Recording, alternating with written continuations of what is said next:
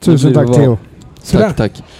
Alright, men då, då kör vi igång med... eh, vi kör livepodd. Det är därför det är så mycket ljudcheck och så. Ja, Eh, men vi kickar väl igång i vanlig ordning med, eh, med en vignett. antar ja jag. kör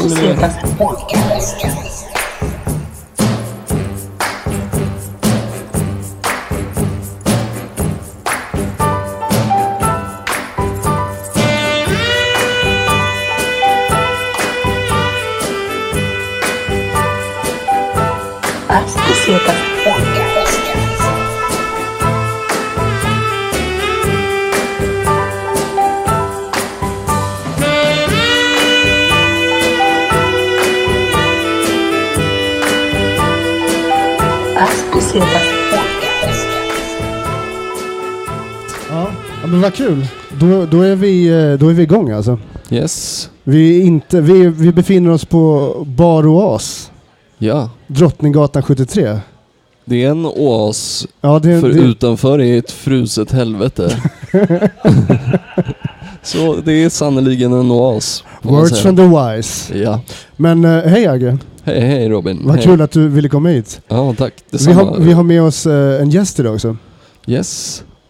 Uh, Monsieur Fredrik Boltes. Hej, hej. Hej. Hej Fredrik Boltes! Vad Hej. kul att du välkommen till eh, Passo Pesetas podcast. Tack så mycket. Det är väldigt kul att vara här. Härligt, härligt. Eh, ja, behöver Fredrik Boltes någon eh, introduktion eller vet alla, vet alla vem du är tror du? Nej, eh, det är nästan ingen som vet vem jag är. Eh, och de som vet vem jag är vet inte att det är jag längre. för, att, för att innan hade jag så blonda... Jag sjunger i ett reggaeband som heter Partiet och innan hade jag blonda dreadlocks liksom ner till pattarna sådär. Och då så, i alla fall på reggaefestivaler och så, de finns, det är inte så många som finns, men på, på dem så var det folk som kände igen mig där i alla fall. Eh, så på Urkult till exempel, förra sommaren, så var jag där som besökare med min familj. Och jättemycket folk kom fram. Åh, det är du i partiet och vad kul att få ta en bild och bla bla, prata om musik och jätteskoj och sådär. Men sen i somras var vi, och då skulle vi inte spela, då var jag bara där och besökte festivalen. Men i somras var jag där och skulle spela med bandet, men då hade jag klippt av mig håret. Och inte en jävel kom fram och sa hej. Sådär. Så att det finns folk som vet vem jag är, men de vet inte om att det är jag när de ser mig längre. Så nu tror de inte att du är sångaren i partiet längre, nu tror du att du är en random civilpolis. Ja, precis. Precis. Nu ser jag ut som en civilpolis i, på reggaefestival istället. Ja. ja men då har vi kommit in på lite grann vem, vem du är liksom. ja, sen du, gör jag en du, massa andra saker också. Eh, du kör stand-up bland annat. Det gör jag. Ja, Det gör jag. ganska mycket. Jag körde igår och i förrgår. Ja. Så nu är jag igång igen. Ja, härligt. Och utöver att du kör stand-up och att du eh, spel, alltså, sjunger i, i eh, partiet Mm. så eh, jobbar du även på Svenska nyheter. Precis. Satirprogrammet Svenska nyheter med Jesper Rönndahl på SVT. Mm. Ja. Cool, cool. Yes. All right. Ja, det är, känns det som, ett eh, bra, som en bra introduktion Du är också av... eh, pappa. Ja, precis. Det är en bra introduktion. Jag är inte bara stand-up-komiker. Jag är också pappa. Till en liten idiot som heter Bosse som är Ja. tre och ett halvt år. Ja, och han är just nu på resande fot. Han är i Thailand just nu. Oj, Jaha, så det trevligt. kanske han vi borde ha i, i, som gäst i podden egentligen. Ja, ja, precis. Just det. Det, det blir ju farligt när han blir liksom så pass gammal så folk kan fråga honom om saker. Men... Eh, Vi kanske ska förtydliga, i och med att det är livesammanhang, så det här är alltså en resepodd som heter Passo Pesetas podcast. Och den drivs av eh, mig, Robin och eh, Agge. Yes. Men det vet ju alla om, för vi är ju rikskända numera. Så att, Vi har en liten, eh, förhoppningsvis trogen skara följare. Vi får se. Men jag tänkte, eh, alltså vi ska ge oss in på, på en av dina första resor som du gjorde i första... Är det din första resa i livet Fredrik? vad menar du när vi åkte jorden runt med Du åkte familjen? jorden runt 1989, det är flera olika resor i och för sig men... Ja, precis. Eh, jag, under den här resan, eh, vi får ta det från början tror jag, för de som lyssnar förstår. När jag var fyra år och min bror var två år gammal. Då tänkte mina föräldrar, nej men vet du vad? Vi säljer lägenheten, köper en billigare lägenhet och så åker vi jorden runt eh, hela gänget. Ja. Och så gjorde vi det. Ehm, och jag hann fylla fem år under den här resan. Och då var vi en sväng i Thailand och ganska länge i Australien. Och så Hawaii och så Los Angeles och så hem till Sverige. Via Finland. För vi flög med Finnair. Så det var. Mellanland i Finland mellan LA och... eh, Och eh, Stockholm, eller ja, Jönköping bodde jag i då. Jag har Ja. bott i Jönköping i 30 år. Precis. Ja. Bibelbältet. Ja, exakt så. Är du konfirmerad? Jag är konfirmerad, men sen så gick jag ur Svenska kyrkan när jag var 18, och så någon slags haha, nu är jag vuxen och kan göra vad jag vill, så nu går jag ur kyrkan, titta på mig, titta på mig. Eh, och, och då det var så himla kul, för då flyttade jag hemifrån till, jag, jag skrev hos en polare i Bankeryd, jag gick ur kyrkan, för det var sånt man fick göra. De klippte mig och sånt man fick göra när man var 18. Eh, eh, men då fick jag ett jättetårdrypande eh, brev från församlingen i Bankeryd. där jag alltså aldrig hade varit. Jag var precis nyinflyttad och det första jag gjorde efter var att gå ur kyrkan. Och då var det ett långt brev och det stod så här. Vi kommer sakna ditt ansikte här i kyrkbänken, bla bla bla bla. bla. Alltså verkligen så fint brev personligt, men de, de hade ingen aning om vem jag var. eh, För, ja, så det kändes väldigt förtryckt så. Så då tänkte jag att den här kyrkan behöver jag inte gå med i igen. Så sen dess är jag out Nej. of it. Är du konfirmerad Agge? Nej, inte konfirmerad men döpt. Så jag var ju också med i Svenska kyrkan tills i somras faktiskt. För då var det någon som bara Åh, kan man skriva in på en hemsida här så går man ur typ. De skickar någon räkning. Jag var tvungen att betala något tror jag. För att Jag gå vet ur? Eller så har jag blivit scammad och är fortfarande med. Av Svenska kyrkan. Jävla skit. Ja. Eh, nej men eh, jag tror, jag tror jag har gått ur. Jag Ja. har inte Ja, men är det inte så här, att gå ur kyrkan är alldeles gratis, men det finns företag som specialiserar sig på att typ skicka förtryckta blanketter till dig och bla bla bla. Eh, och så ska de ha 59 kronor för det eller något sånt där. exakt. Och då tycker några att det är, kanske är en scam på 59 spänn. Men det är ju bara om ens tid är värd ingenting. Ja, som det är en exakt. scam på 59 spänn. Så de som säger att det där är en scam, deras tid är värda ingenting. Vilket säger lite om dem. Så jag ville slå ett slag för Perfekt. de företagen. Ja. Men vad heter det, tillbaks till din jorden runt-resa. Min, vad minns du liksom? Vad är liksom dina Ja, mitt, första, minnesvärda men, ja, intryck? men mitt första minne i livet, alltså från, vet, som man tänker tillbaka, det första man minns, det är När du föddes? Bangkoks doft. För det, det, det luktsinnet och minnessinnet, heter det inte, eh, sitter väldigt nära varandra på något sätt. Så att man kan komma ihåg grejer liksom, med, med hur de luktar. Så, så just hur Bangkok doftar väldigt speciellt och lite eh, äckligt. Typ. Så att jag kommer ihåg när jag var säg, 10-12 års ålder och kände liknande dofter, att ah, men det här minns jag typ från Bangkok. Så det är ett av mina första minnen i, i livet. Kan du specificera vilka typer av dofter det är liksom som, du, som du tänker på? Alltså, Nej, men så här, unken avloppsdoft som man får ibland när man är i andra delar av världen. Eh, jag minns att det, sånt upplevde man ju aldrig i Jönköping, men det upplevde man i centrala Bangkok.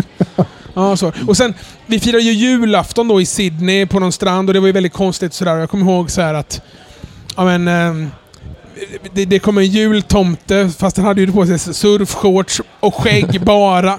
Och, så jag tror att, att, jag, genom, att jag genomskådade det där liksom. Att, Ja, den här tomten har för håriga ben, lär jag ha sagt. Och ryckt tomten i benhåret så här på smalbenet.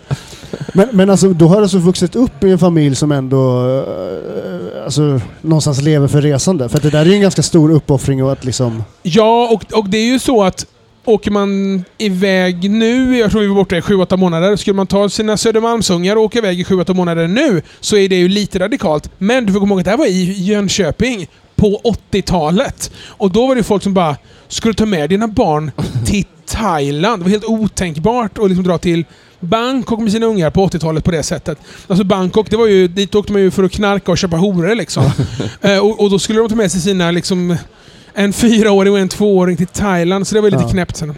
Så det vet jag att, att eh, morsan och farsan fick liksom lite hmm, blickar för. Men vadå, var, var det en, en normal standardfamilj i Jönköping innan dess då? Alltså, Ja, det tror jag. Alltså, eh, farsan är, eh, han var gammal lärare och jobbade lite som snickare och hej och hå. Morsan jobbade som sjuksyra på sjuk... Det var ganska vanligt. ja, Sådär. ja. Eh, och men inte någon frikyrklig sådär, halleluja-familj, absolut inte. Sådär.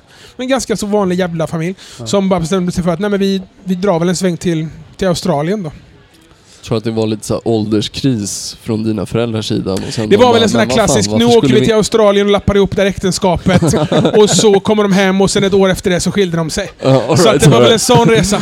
Nu är det slut på det roliga. Ja, eh, exakt. Jag gjorde exakt samma, man lär sig heller inte av andras misstag. Jag gjorde exakt samma med min flickvän för några år sedan. Vi bara oj oj oj, nu krisar det i förhållandet. Åkte till Australien, kommer hem och skiljer oss ett halvår senare. Vet Jag, bara, jag går i mina föräldrars fotspår på det sättet. Så det är de ju stolta över. jag gjorde samma fast vi skilde oss i Australien istället. Ja, smidigt. Så, ja. Smidigt, ja. Det verkar vara ett ställe dit man åker för att Ja, försöka För att lapp, lappa det ihop finns... det. Ja, och så funkar det inte. Nej. Men sen en lite rolig segway till det du började på. Du säger att din son fortfarande är i Thailand nu. Ja, Så precis. att du har också tagit med din Precis. fyraåring till... I till didn't come from nowhere. Nej, precis. Alltså när Bosse var 60 dagar gammal. Det här är alltså 2015. Då så får man någon jävla spruta eh, när man är 60, alltså man är två månader, någon vaccin och så. Eh, och dag 61 så åkte vi hela familjen till Thailand och var där i typ två och en halv månad. Så då när han kom hem igen, då hade han ju varit mer i Thailand än i Sverige i sitt eh, liv. Oh. Ja, men det är jävligt skönt alltså att resa med riktigt jävla små barn. Själva flygresan kanske inte är det smidigaste, men fan vad nice det är att du vet, bo på hotell och slappa och vara på stranden. Mm. Och hova in eh, föräldrapengar. eh, Lärde han sig några thailändska fraser eller? Eh, Bosse pratar eh, hyfsad thailändska. På Eh, riktigt alltså? Ja, men han är ju helt flytande på engelska och svenska nu. Grymt. Vid tre och ett halvt års ålder, vilket är lite läskigt. Men för att både jag och också. hans morsa är riktiga spån. Eh, så jag fattar inte riktigt. Han har väl lärt sig allt det där från YouTube liksom. De Nej men rätt suger jag kom hem en dag och han bara... Jag kom hem en dag och då var han kanske två eller något. Så säger han till mig så här. Hej pappa, och hej hej. Han bara... One, two, three, four, five, six, seven, eight, nine, ten. Sämre uttal, men alla tio satt där.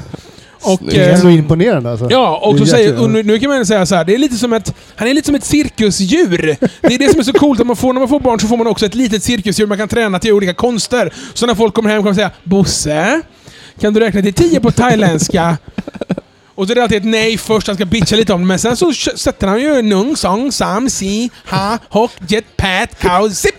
High five! Och så, mm, alltid nöjd. Ja, Shoutout till Bosse alltså. precis. Ja, och också Sen en godis. Precis, ja exakt. På näsan. Nej, men det, det är svinbra också om man ska pruta och visa för the locals att man minsann är lite local, du vet. Ja. Och så får man Bosse till att räkna till 10 på deras språk. Då funkar den ju ofta och pruta lite. Bra street smart grej liksom. Ja, ja precis. Ja, vad grymt. Vi ska fortsätta på sport med att lära känna dig lite grann. Mm. Vi ska köra ett eh, element som vi brukar köra med podden med våra gäster, som eh, heter snabba korta. Ja.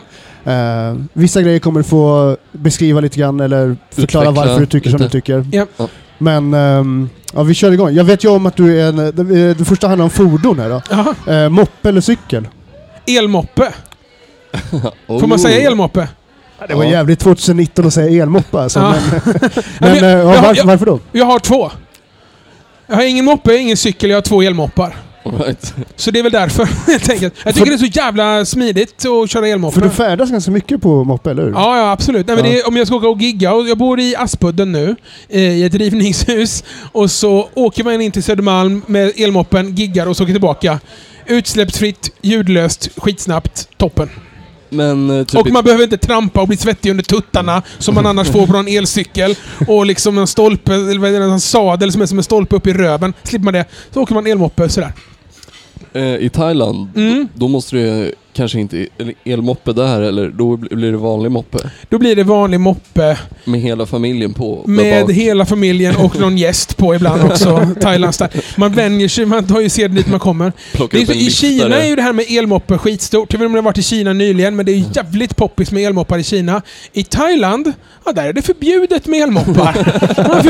Så, att, så att det går inte. Och det motiverar man med att det kan vara farligt att de inte låter. Eh, och det har såklart, ifall någon reg regimmänniska från Thailand lyssnar nu, så har det ju ingenting att göra med att de som liksom driver diktaturen i Thailand också driver alla oljebolag i Thailand. Det har ingenting att göra med att det är förbjudet med elfordon i Thailand, men det är det i alla fall. Det här är, känns väldigt långsökt. Ja, hur skulle det kunna ha någonting med någonting att göra? All right, vi går vidare. Eh, när du är på resa då, fast food eller eh, restaurang? L- lyxrestaurang? Street food eller lyxrestaurang? Mm. Ja, det är två Street olika food. frågor. Ja. Nej, street food blir det ju alla gånger. Absolut, ja. Street, street food. Ja. Det, jag behöver inte utveckla det va? Nej. Jag dreads eller inte dreads? Det har ingenting med resor att göra. Det är bara för att... Ja, shit, om man kollar på regeringsförklaringen så är det uppenbarligen inte dreads som gäller. eh, så, jag, jag, jag körde dreads åtta år, sen så slet jag av dem och slängde ut dem i publiken på en konsert och nu har jag inte dreads. Eh, och det är ganska skönt. Så just nu så får jag nog säga för mig, inte dreads. Det är ganska skönt. Det är mycket lättare. Jag vet inte om jag har små barn, men att byta blöja när man har långa dreads, det kan bli ganska äckligt. Och sen så ska man knulla och sen så ska man laga mat och dreadsen hamnar överallt och sådär. Och så... Jag crawlar en del också. Och då blir det att dreaden liksom fastnar i armhålan. och så får man liksom eh, eh, nacken så här fram och tillbaka. Så det är jävligt osmidigt. Vart, eh, var det på Öland Roots som du klippte av dig dreadsen? Eller? Ja, jag slet av mig dreadsen om man ska vara noga. Så jag liksom slet av en och kastade ut den i publikhavet. Och det är ju mycket folk där. Det är ju 3000 pers där. Och då det tänkte jag bara en ont. dread lossnar, det kan ju hända. Men sen så drar jag av två till och sen fem till och sen tio. Sen var det helt tomt. För då hade jag förklippt dem lite och satt tillbaka dem i gummiband på morgonen. Men det var ingen som visste det. Inte ens de i bandet visste det. Så det var lite surprise. Så då så stod jag där på sista låten. Hon kommer ut med fiol, gästartist. Spelar vi en ballad och så eh, kastar jag bort dem ner i publiken. Men det fina med det är att de som står längst fram som är reggae-fans, de har ju dreads själva, många av dem. Och då har de ju tagit mina dreads som jag då slängde ut och virkat fast i sina. så att dreadsen går fortfarande omkring här i stan. Bara att de inte är på mitt huvud. Så det gör att jag behöver inte liksom vara så ledsen för det. Som. Det är bara, det är bara en europe, Många- europeisk reggae-publik som skulle göra en sån grej. Alltså. Ja, jag tror Jag tror det. Ja. ja.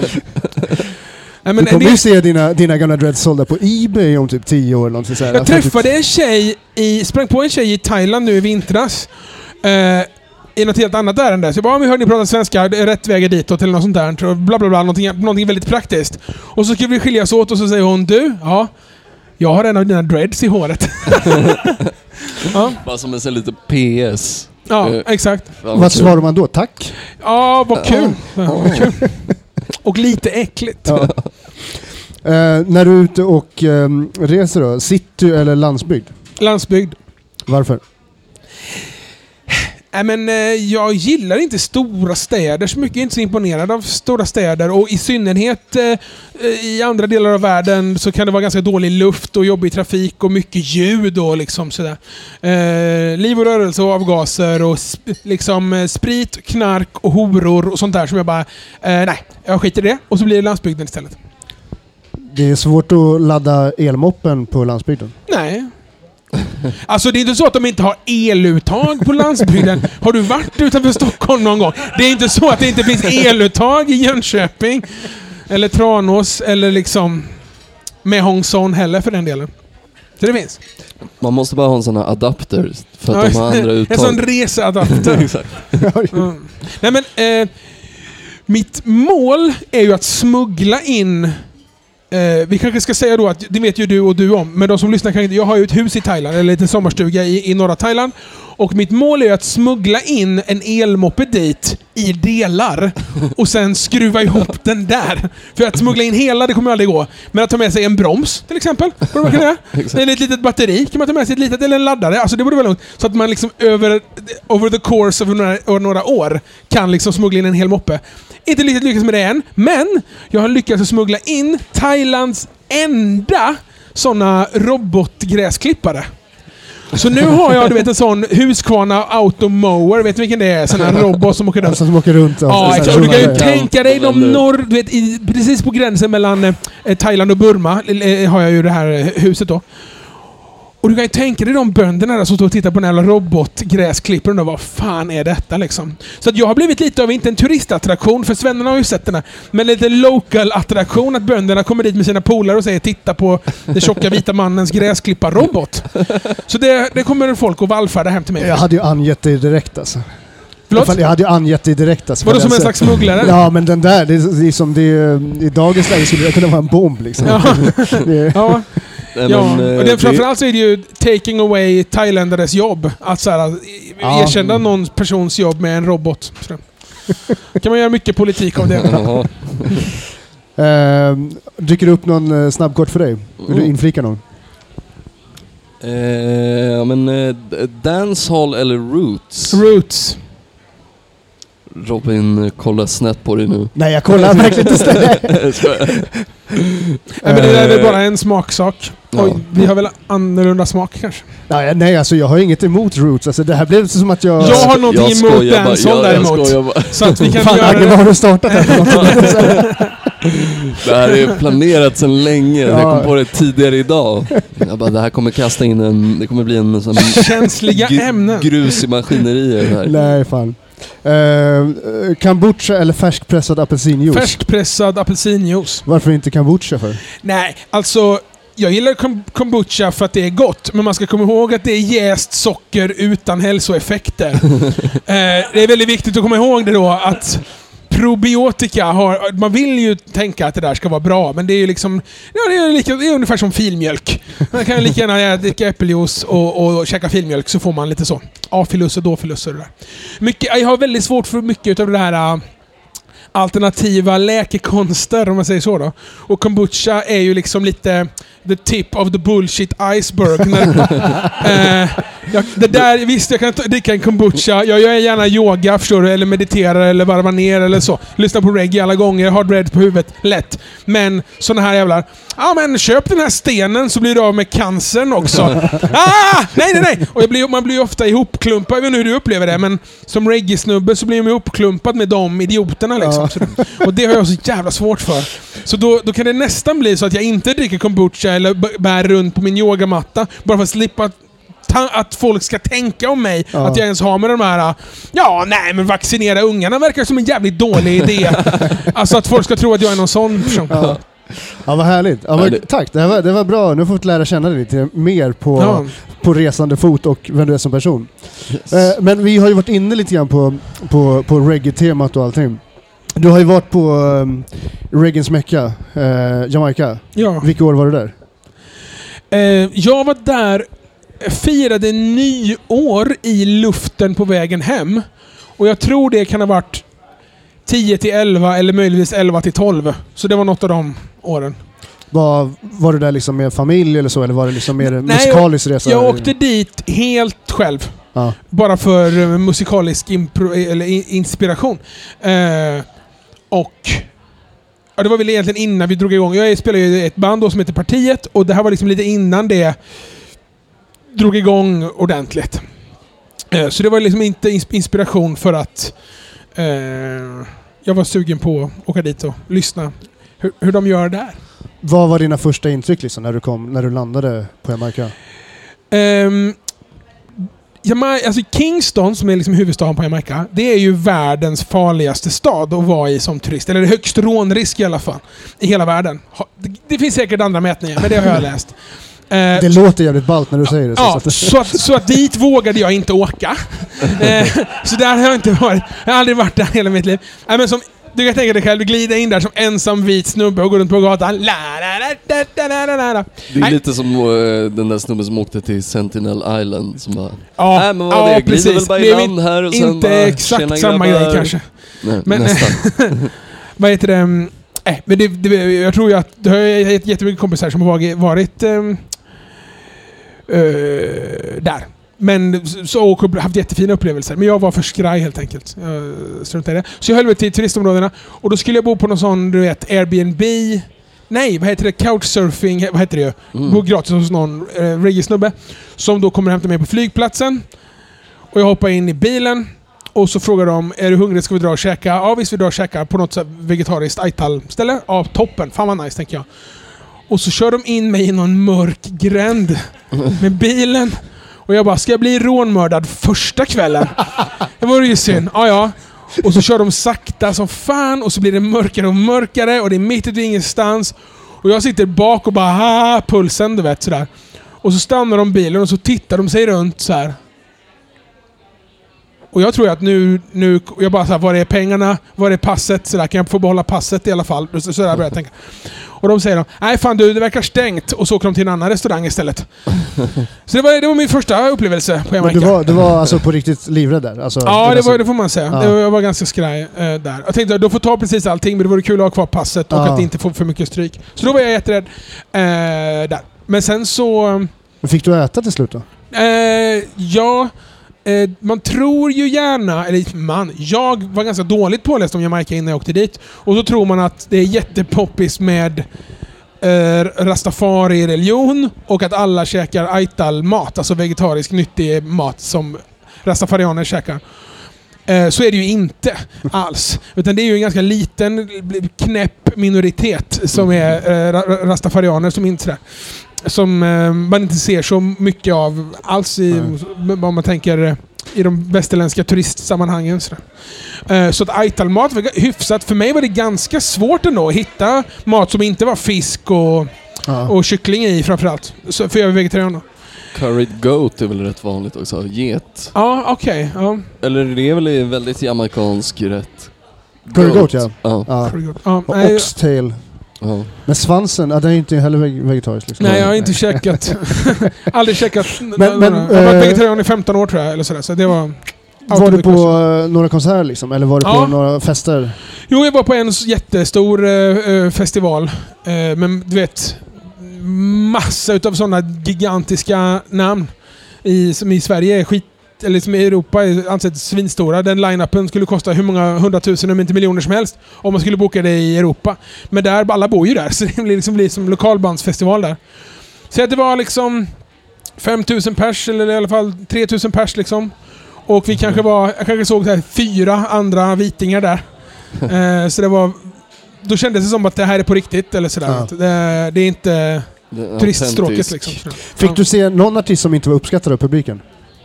Nej, nej det, det händer ju ibland på, har man ju hört och sett YouTube-klipp på att så För det är publiken ganska, inte det är gillar ganska det. hård publik där. Så Ja, det, är- de kastar för jag tänkte just i och med att du, ja precis, Kasta kasta, flaskor och... jag tänkte i och med att du själv har uppträtt på några av Sveriges största reggaefestivaler, liksom, Mm. att det, den, hur, hur, hur den eh, dancehall eller Nej reggae-publiken men är... det var liksom, alltså, den, den här festivalen, det var ju tre stycken band som spelade i tio timmar. Eh, så tre timmar var då ungefär. Eh, och sen så kommer det upp en artist då, så det är som ett backingband, kompband om man vill. Backingband. Så kommer det upp en artist, kör en kvart eller liksom 10 minuter eller sådär, 20 kanske. Och sen så kommer det upp en ny artist som kör med det bandet och så byter man artister på det sättet. Så... ehm, i, och det finns ju många av de artisterna kör ju med också, när de är turnerar i Europa, så kör de med, med europeiska backingband. Eller till exempel om man som jamaicansk artist kan man turnera Tyskland och åka dit egentligen själv med sin manager bara. Och så finns det ett backingband i Tyskland som åker runt med en i Tyskland och så åker man hem igen. Eh, så, att, så att det funkar ju så. Så tre band och kanske du vet 100 artister, eller nu överdriver jag. 50 då, 70, något sånt där. Eh, så det var fett. Fett som fan. Och mycket den här, eh, ni vet Axe spray deodoranten med en tändare. Eh, mycket eld så. Alltså det hade alla i publiken varsin. Så det kändes ju bra. Ja, och vet du Vovoselor också hade alla i publiken. Njö, njö, njö, njö. Fast då liksom tusen stycken samtidigt. Och eld sådär. Men, men eh, var du ute och dansade någonting själv liksom? På någon fest eller så? Ja, förutom, att, förutom den här festivalen då, då, då stod vi ju där i tio timmar. Från liksom, eh, tio på kvällen till åtta på morgonen, liksom, när solen hade gått upp och lite till. Nej, men jag var på, ett, eh, på en dansklubb själv. Och då gick jag dit helt själv. Eh, och det var väl lite av ett misstag kanske. Nej men vet du, för, att för mig, jag älskar reggae så jävla mycket. Och framförallt då hade jag lite av en sån reggae-psykos. Har ni sett folk med reggae-psykos någon gång? Det är sådana som har blonda dreads på huvudet, eh, eh, three stripes med reggae-färger, fyra sådana reggae-halsband med lejon på, reggae-strumpor och du vet, reggae-skal på mobilen och någon sån Lion of Judah som bakgrundsbild i mobilen. Reggae-psykos-människorna, ni vet vilka jag menar. Så jag var väldigt mycket en sån på den tiden. Och Eh, tyckte att det här var så jävla coolt att få vara på en jamaicansk nattklubb och lyssna på Roots och bara dansa. Så här, hur fett som helst. Jag är jätte, jätteglad, taggad, står på dansgolvet själv och bara dansa, vill dansa. Du vet så här. Nästan alltid när jag har varit ute och dansat så har jag varit ute och dansat för att jag vill knulla. Men inte den här kvällen. Utan jag var där för att jag bara gillar att dansa. Eh, så hur kul som helst. Tills en av de andra på dansgolvet knackar mig på axeln så här och säger, och jag ska inte försöka ge mig på en patwa-imitation men You're dancing like a girl. Stop that! Stop that! Get out of here! Ja, nej okej, förlåt. Så fick jag åka hem. Så det var, det var lite skamset. Men så var det. Fan vad, vad jobbigt liksom när du ändå så här, älskar miljön och allting så himla mycket och sen är det någon som kommer och liksom bara tar like hål på den här lilla bubblan liksom. Ja, det skulle, men den risken tar man inte på Södermalm, att någon kommer fram och säger You're dancing like a girl, stop that. Ehm, Nu har du kränkt mig. Ja. Nej, det var mycket knulldansen också då. Alltså, Ja. På Jamaica gillar de ju att simulera samlag när man dansar på ett sätt som... Daggering. Ja, ja allt och extra. Sådär. Så det var lite... Ja, jag, jag, jag inser ju nu att jag måste sätta ut, alltså varit väldigt, väldigt, väldigt out på den där dansgolven. Stå själv med, mina, med mitt reggae-mobilskal. Du vet, en jävla störig kille som också tycker, jag tycker ju själv att jag är coolast i hela världen när jag gör det där. Så, ja, så var det. Nice. Men vart, vart på Jamaica var du? Du var inte i Kingston, men... Eh, nej, man flyger väl in till, eh, vad fan heter det då? Är det Montego Bay som har andra flygplatsen? Eller är det någon annan ställe? Ocho Rios eller... eh, jag vet Montego Negri- Bay är Neg- typ det enda stället Negril jag kanske det heter. till, tror jag. Ja, det är med det där på... Alltså Jamaica är ju för fan stort som liksom Blekinge eller sådär. Det går ju snabbt. Vi åkte mycket bil och härjade runt. Jag och den här killen som jag bodde hos då. Så jag var, var lite överallt faktiskt. De har väl eh, sån nice kaffe där uppe i bergen, kaffeplantager och sånt. Mycket Mm. Har du varit på Jamaica? Nej, jag har väl bara sett nå- Anthony Bourdain-avsnitt tror jag, lite så här dokumentärer men eh, det verkar ju göttigt liksom men det är, det är trist att det ska vara så eh, pass farligt att man kanske inte ska utforska det själv liksom. Jag vet inte, man ska inte. överdriva det där heller. Ofta när, man, när folk säger det är så jävla farligt, det är så farligt, det är så farligt. Och så åker man dit och så är det ju aldrig särskilt farligt. Alltså förstår du vad jag menar? Om man inte är en idiot på, på många sätt. Och jag var ju uppenbarligen en idiot. så det var kanske ändå smart på något sätt av den här idioten att inte åka till. Nej men sen får man komma ihåg att man har någon bild av att Jamaica ska vara så här. åh alla är på stranden och lyssnar på reggae och alla mår bra och dricker äppeljuice och så. Eh, men så är det alltså Jamaica är ju... Det är jättemycket trevligt folk där, absolut. Men det är också ett jävla u-land som funkar skitdåligt på många sätt. Och, och, och där all, nästan alla vackra stränder och strandpartier är ju fortfarande uppköpta utav liksom amerikanska hotellkedjor och golfkedjor. Så att, eh, som har stora golfanläggningar ut med vattnet. Så det är väl ganska få plättar där jamaikanerna ens ska gå till stranden. Liksom, sådär. Utan de får vara inne, på, inne i landet. Sådär. Mycket korruption, skitdåliga vägar eh, som inte går att åka på. Och sen så de som har gjort de dåliga vägarna känner någon i, i regimen så de får ändå göra reparationer av sin dåliga väg som också är dålig. Och så går allting sönder. Ja men du vet så här, verkligen ett korrumperat skitland på många sätt. Eh, och här i väst så nås vi av, eller i alla fall, vet, du som också är lite reggae-initierad, eller mycket, mer än mig antagligen. Eh, så har man, ja, men homofobin på Jamaica och homofobin inom reggae och sådär. Och det är klart det finns homofobi på Jamaica. Men jättemycket, absolut.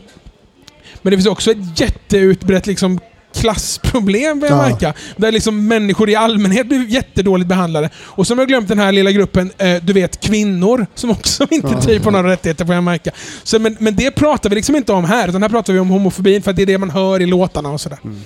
Ja, nåväl. Det kan vi prata om ett helt... Det kan, Mm. Ja, men det, don't det get är me started. Nej, men jag, jag tycker det är bra poänger. Ja, men för ja, homofobin på Jamaica och inom reggae-kulturen kommer ju från från oss, från, från eh, kolonialismtiden. Vi har tagit den med oss den dit. Så när vi nu ringer in någon slags klocka så slå, klingar i glaset och säger Ja, nu är vi inte homofober i Europa längre.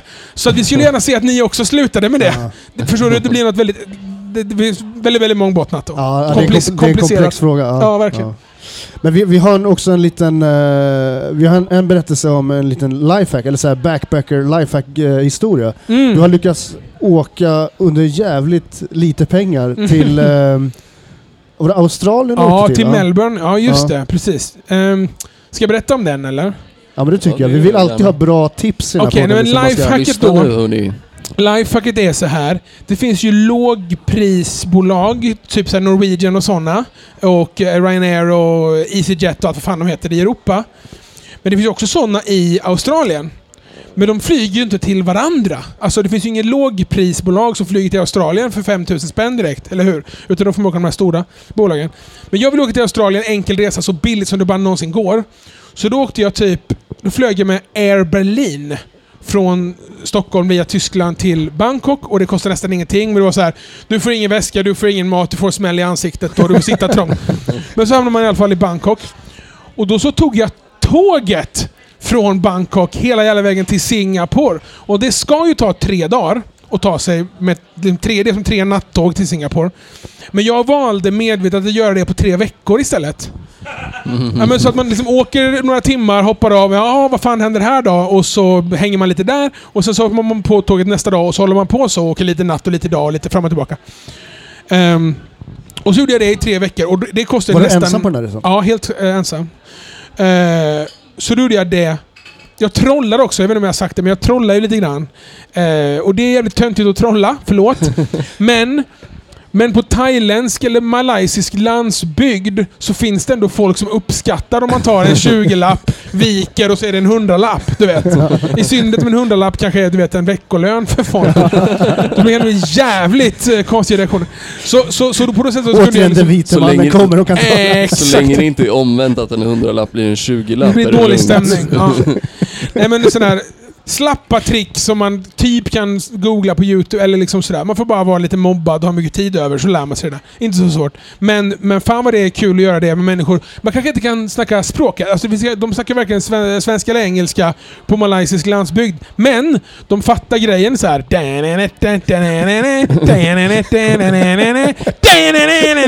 Du vet, det, det, går, det går hem. Så då kan man liksom bli polare med, med kidsen. Nej, men så gjorde jag det i tre veckor och sen så flög jag något sånt riktigt Jag trollade i tre veckor.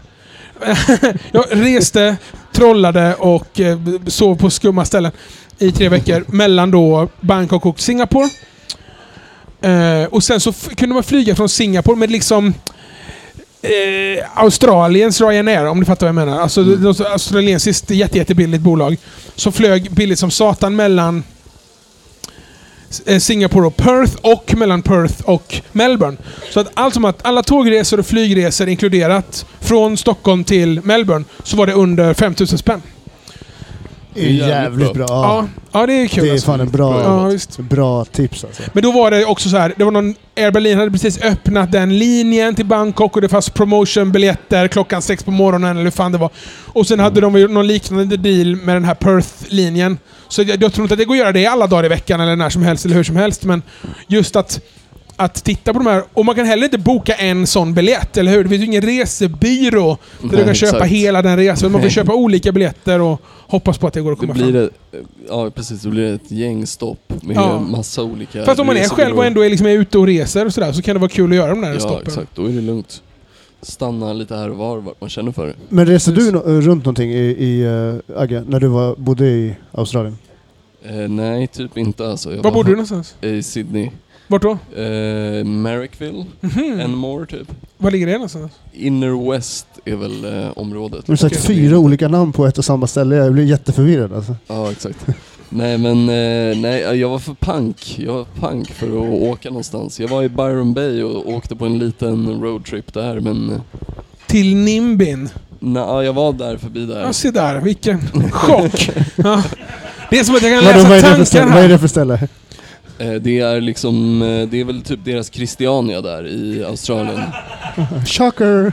Ja. Vem hade någonsin kunnat tro? Ja. Nej men och sen upp längs kusten där och det är jävligt fint. Men man får ju inte liksom, man kan inte parkera bilen eller campa på eh, stranden och sådär så det är lite så här. Alltså det är ju fysiskt möjligt att Ja, göra ja, det. precis, precis. Eh, det har jag gjort nämligen. Mhm. Men man får ju mycket skäll på morgonen. Ja. Och då behöver man inte ha väckarklocka. Utan man, vi, ja, vi måste åka klockan åtta imorgon bitti för att hinna till nästa ställe. Ska vi ställa klocka? Nej, vi kommer bli bortkörda i gryningen ändå. så då behöver man inte det. Så så jobbade jag. har också varit i Australien. Jag har varit i Australien åtta gånger. Ja, Jag är en riktig miljökämpe som ni hör. Ja. eh, och, och en av de där gångerna, eller två, så hade jag en sån van och bodde i då. Mm. Så då gjorde vi den. Ful, Hyrde du den, eller köpte du liksom en, Ja, eh, Jag köpte... Fan coolt. ett, köpte ett as av Ja. en annan backpacker och sen så sålde jag den till nästa backpacker. Sånt som, du kan, som man kan slagga i då? eller? Ja, precis. Fan vad coolt. Mm. Har du, har du några bilder eller någonting på, på den vanen? Eller? Oj, Finns eh, det? detta var 2009. Ja okej. Så... Inte eh, riktigt jag tror, jag tror, nej. Det är inte, jag har dem inte i telefonen nu sådär. Men Fan vad, fan if vad you coolt. held a gun to my head och gav mig en vecka så Ja. skulle jag nog kunna, du vet, på något USB, någon hårddisk någonstans. Det är lite dröm jag har, att kunna... Nu har inte jag körkort själv, min sambo har körkort. Eh, Jaha, okej. Så, jag har chaufför men jag har inte Ja, liksom... Australien- men just att skaffa en Australien är sån typ så av van. jävla... Dels är de här vakterna asjobbiga då, så man, Mm. kan, man ska ju, eller får ju inte frikampa egentligen. Och sen är Australien så jävla dyrt. Både att ta sig till, vara i, köpa bensin i, köpa mat. Det är ju Mm. jättedyrt. Alltså, är fan, en tomat kostar 200 spänn. Alltså, det är helt otroligt. Uh, lite överdrivet. Det var lite överdrivet, men det är dyrt. I alla fall. Eh, Men Robin, det här med körkortet. Jag, körde, jag var tvungen att köra bilen där så jag körde utan körkort på fel sida av vägen. Ja, fel sida om Eh, vägen. Ja. Men det, är, det var skitenkelt. Men Så bara- Det är bara att köra. Bara för att göra det tydligt. Du körde på vänster sida, som ju är rätt sida av vägen i Ja, precis. Australien. Ja, exakt. Men fel den andra sidan av vägen. Utan att värdera. Fel precis. för oss. Ja, precis. Eh, nej men... Fast vad eh, fan vet du om det som inte har körkort? Jag har kört här också. Är det några mer brott vi ska erkänna?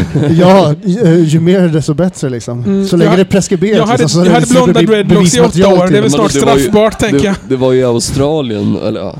Villkorlig dom för kulturell appropriering. Men, um, alright. PK-domstolen. Vi har, Förlåt. eh, du har ju jättestor koppling till Thailand. Alltså, du var alltså, Thailand är alltså en av de första platserna du någonsin var på Ja, precis. som, som, liten, Ja, ja. som liten Fredrik Boltes. Ja, precis. Men tror du att det har liksom eh, eh, gjort att du har någon typ av förkärlek till Thailand? För att du var där som så ung och fick mycket, eller liksom typ dina första minnen antar jag? Ja, jo men det är klart att det har det. Kanske framförallt lite så här undermedvetet eller lite sådär... Vi åker dit igen där jag var när jag var liten och bla bla bla och tar bilder på samma ställe som det finns bilder på när man var liten och så skickar man hem det till morsan och så swishar hon pengar och du vet. eh, men, så det är klart att, men plus att jag har varit så mycket i Australien. Vi bodde ju i Australien då, 89. Och, och jag har varit där i Australien åtta gånger och då stannar man alltid i Thailand på vägen ner eller på vägen tillbaka. För det, varför inte?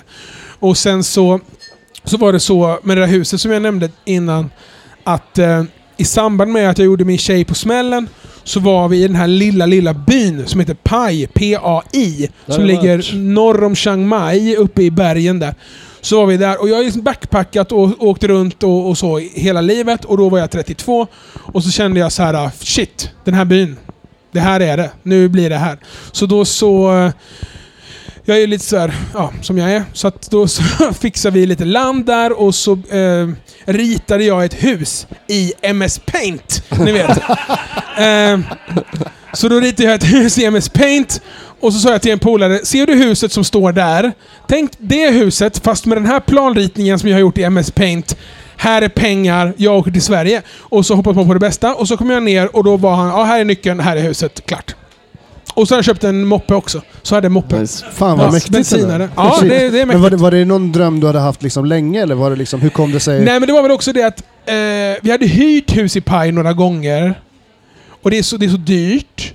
Så jag bara, fan det kommer bli billigare om man köper ett hus, eller bygg, eh, köper ett hus och så kan man hyra ut det när man inte är där själv, du vet. Så då, så då var planen att jag skulle ha ett boende i Sverige och hyra ut boendet i Thailand när jag inte är där. Och sen när jag själv är i Thailand hyra ut boendet i, i Sverige då. Hyr ut till andra turister då? Eller vad är det Ja, liksom? precis. Ja. Exakt. Och, och då så tänkte jag att ja, men det kan man väl göra. Men så var det att det är så många hus som har... Det är dålig säkerhet om man har små barn. Vet, eluttag i fel höjd och bla bla bla. Och balkong utan räcke och så. Och eh, de husen som var intressanta var ganska upphypade med pris och sådär. Så hade jag en polare, eller en polares polare, som var byggnadsingenjör från Storbritannien som pratade flytande thai och flytande engelska givetvis. Och som har liksom vä- västerländskt tänk och förstår var jag kommer ifrån och också thailändskt tänk för han har bott där i 25 år och gift och har thailändska fru och barn och hela den grejen. Och han sa så här, jag kan bygga huset åt dig om du betalar mig motsvarande typ 200 kronor om dagen. För att vara liksom bygggubbe där. Ja, Ja. det går bra. Det kan vi göra. Så då så byggde han ett hus åt mig. Och som, och då med eluttagen i rätt höjd och eh, staket runt balkongen och bra läge och så. Och, där, det- och det här var tre år sedan kanske. Och det, jag kom precis därifrån för 10 dagar sedan, eller vad det nu är. 14 dagar sedan Fan, kanske. nice. Så jag har varit där eh, hela vintern fram tills nu.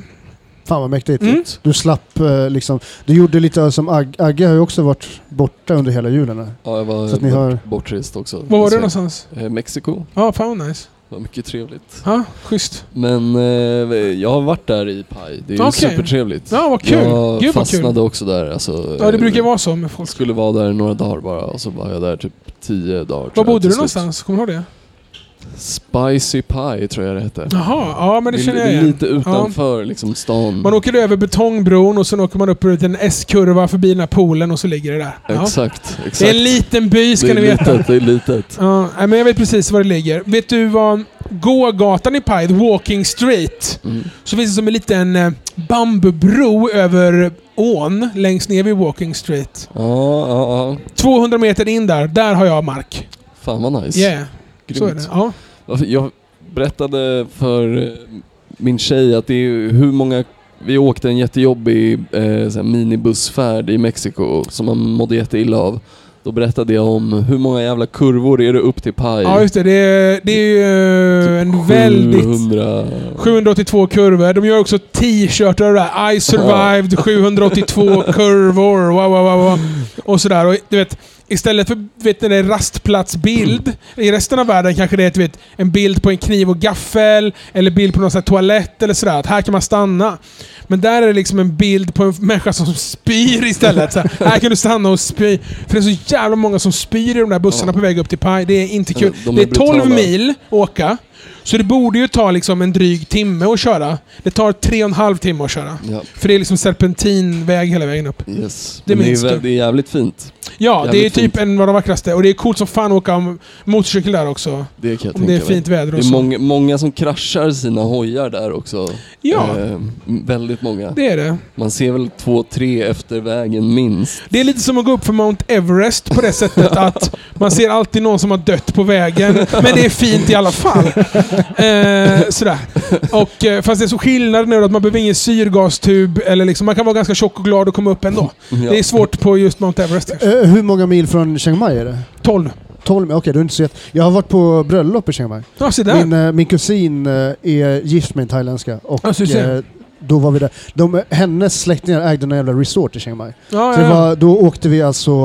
Fan, jag älskar Chiang Mai. Jävla Vi, vi åkte. Air Asia från Malaysia till... eh, jag vet inte vart vi landade någonstans. Men, men så hela, hela familjen då liksom. Ja, så det, det var jävligt speciellt. För det, var, det är verkligen countryside. Alltså det är väldigt vackert. Mm. Men sen så bilade vi alltså ner ifrån Chiang Mai tillbaks till Bangkok. Mhm, Eh, mm. Apropå... Hur var det då? Det var speciellt. Alltså väldigt mycket så här stopp av polisen liksom hela tiden. Jag tänkte Ah. just på din moppe som du ska, som du ska smuggla in. Jaha, ja, Eh, ja. För att de, alltså de, de gick igenom bilen ganska många gånger, stoppade oss liksom sen. Ja men du vet, i, jag kör ju moppe i Pai, i den här lilla byn. Och det är en väldigt, väldigt, väldigt liten by. Och man blir stoppad av polisen väldigt, väldigt, väldigt ofta. Så, och, så, och det är ju då eh, hjälmkontroll. Så att har man inte hjälm så får man böta 200 baht, alltså 50 lapp.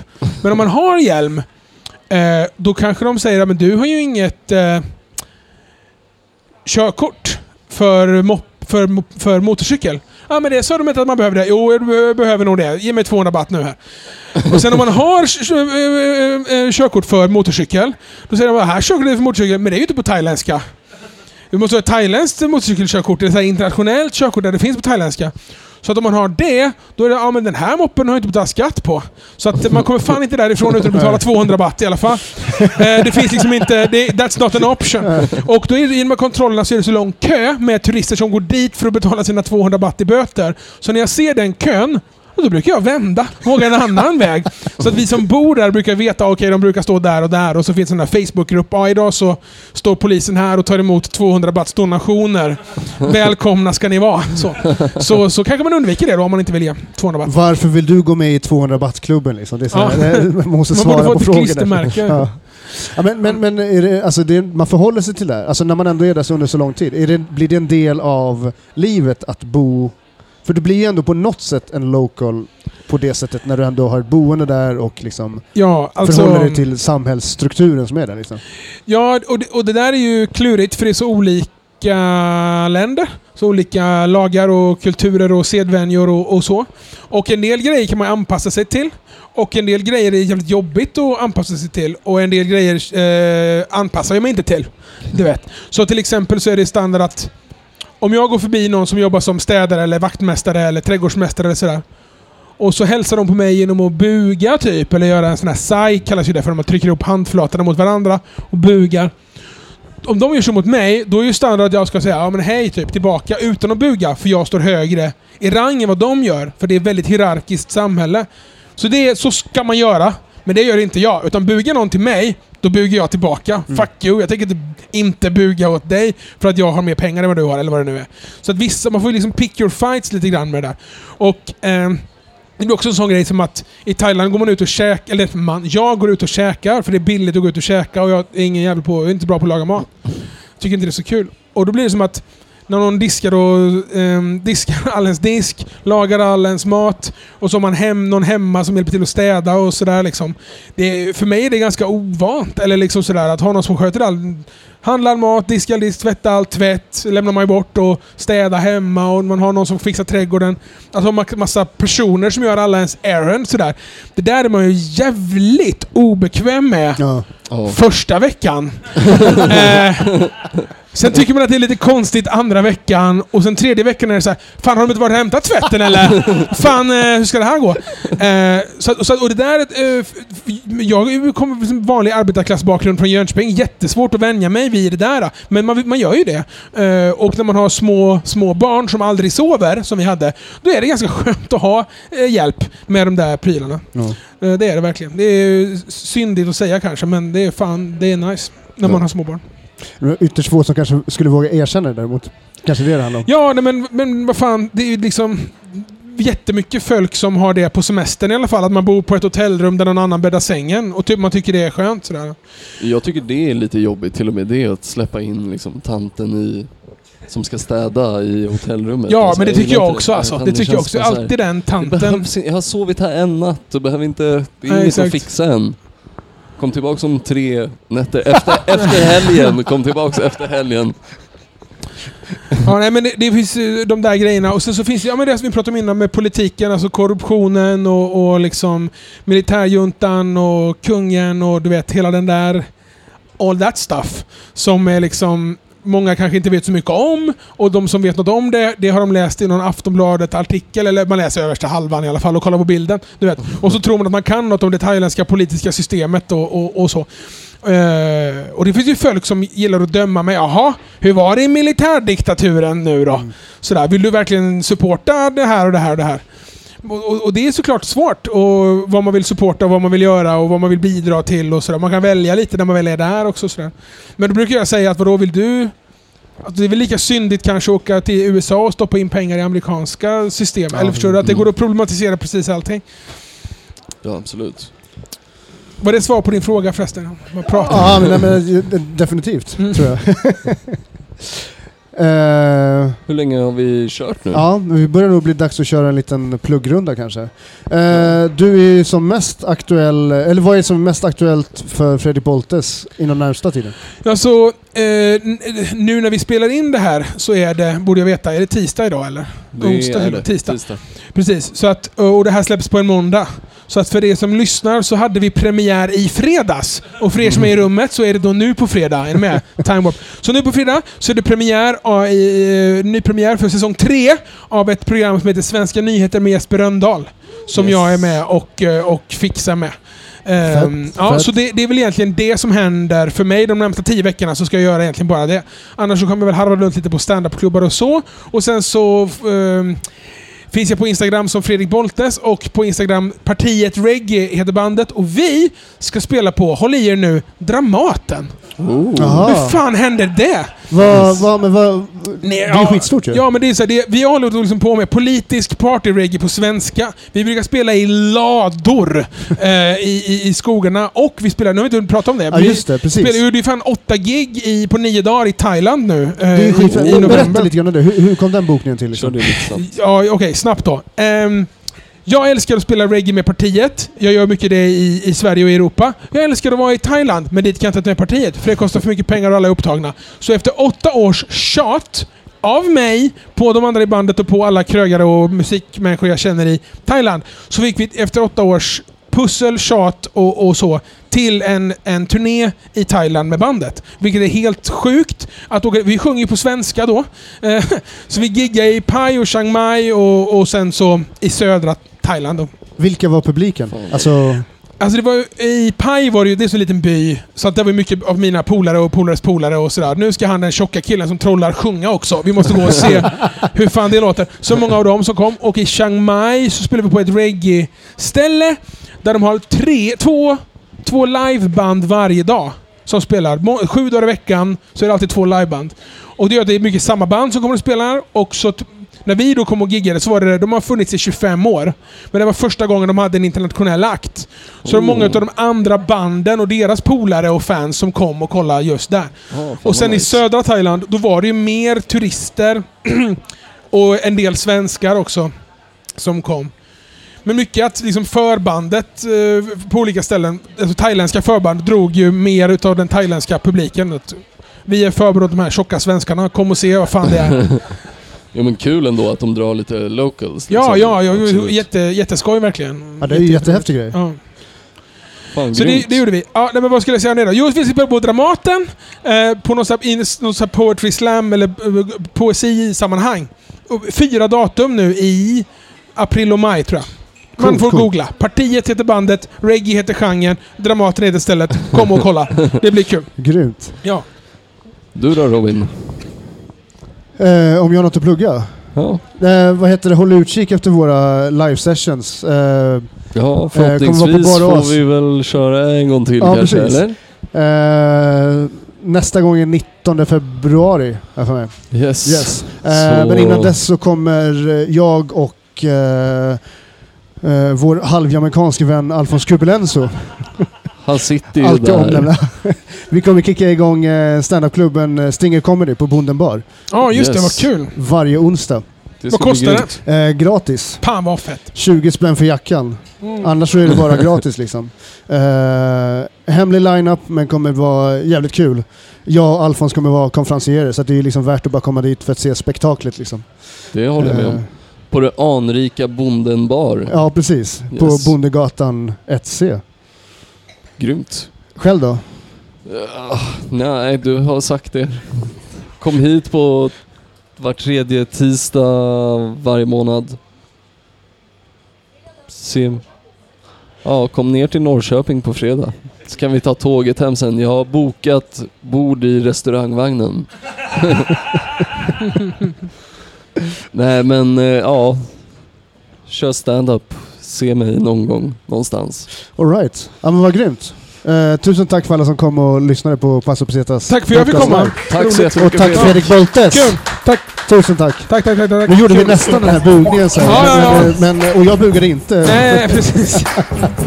Jag är svår att kränka med den här. Och tack för att ni som kom. Ja.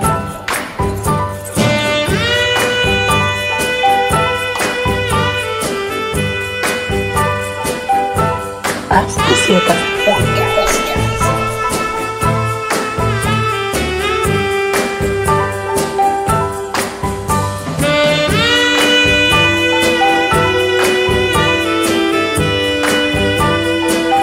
Ascosietas Podcast.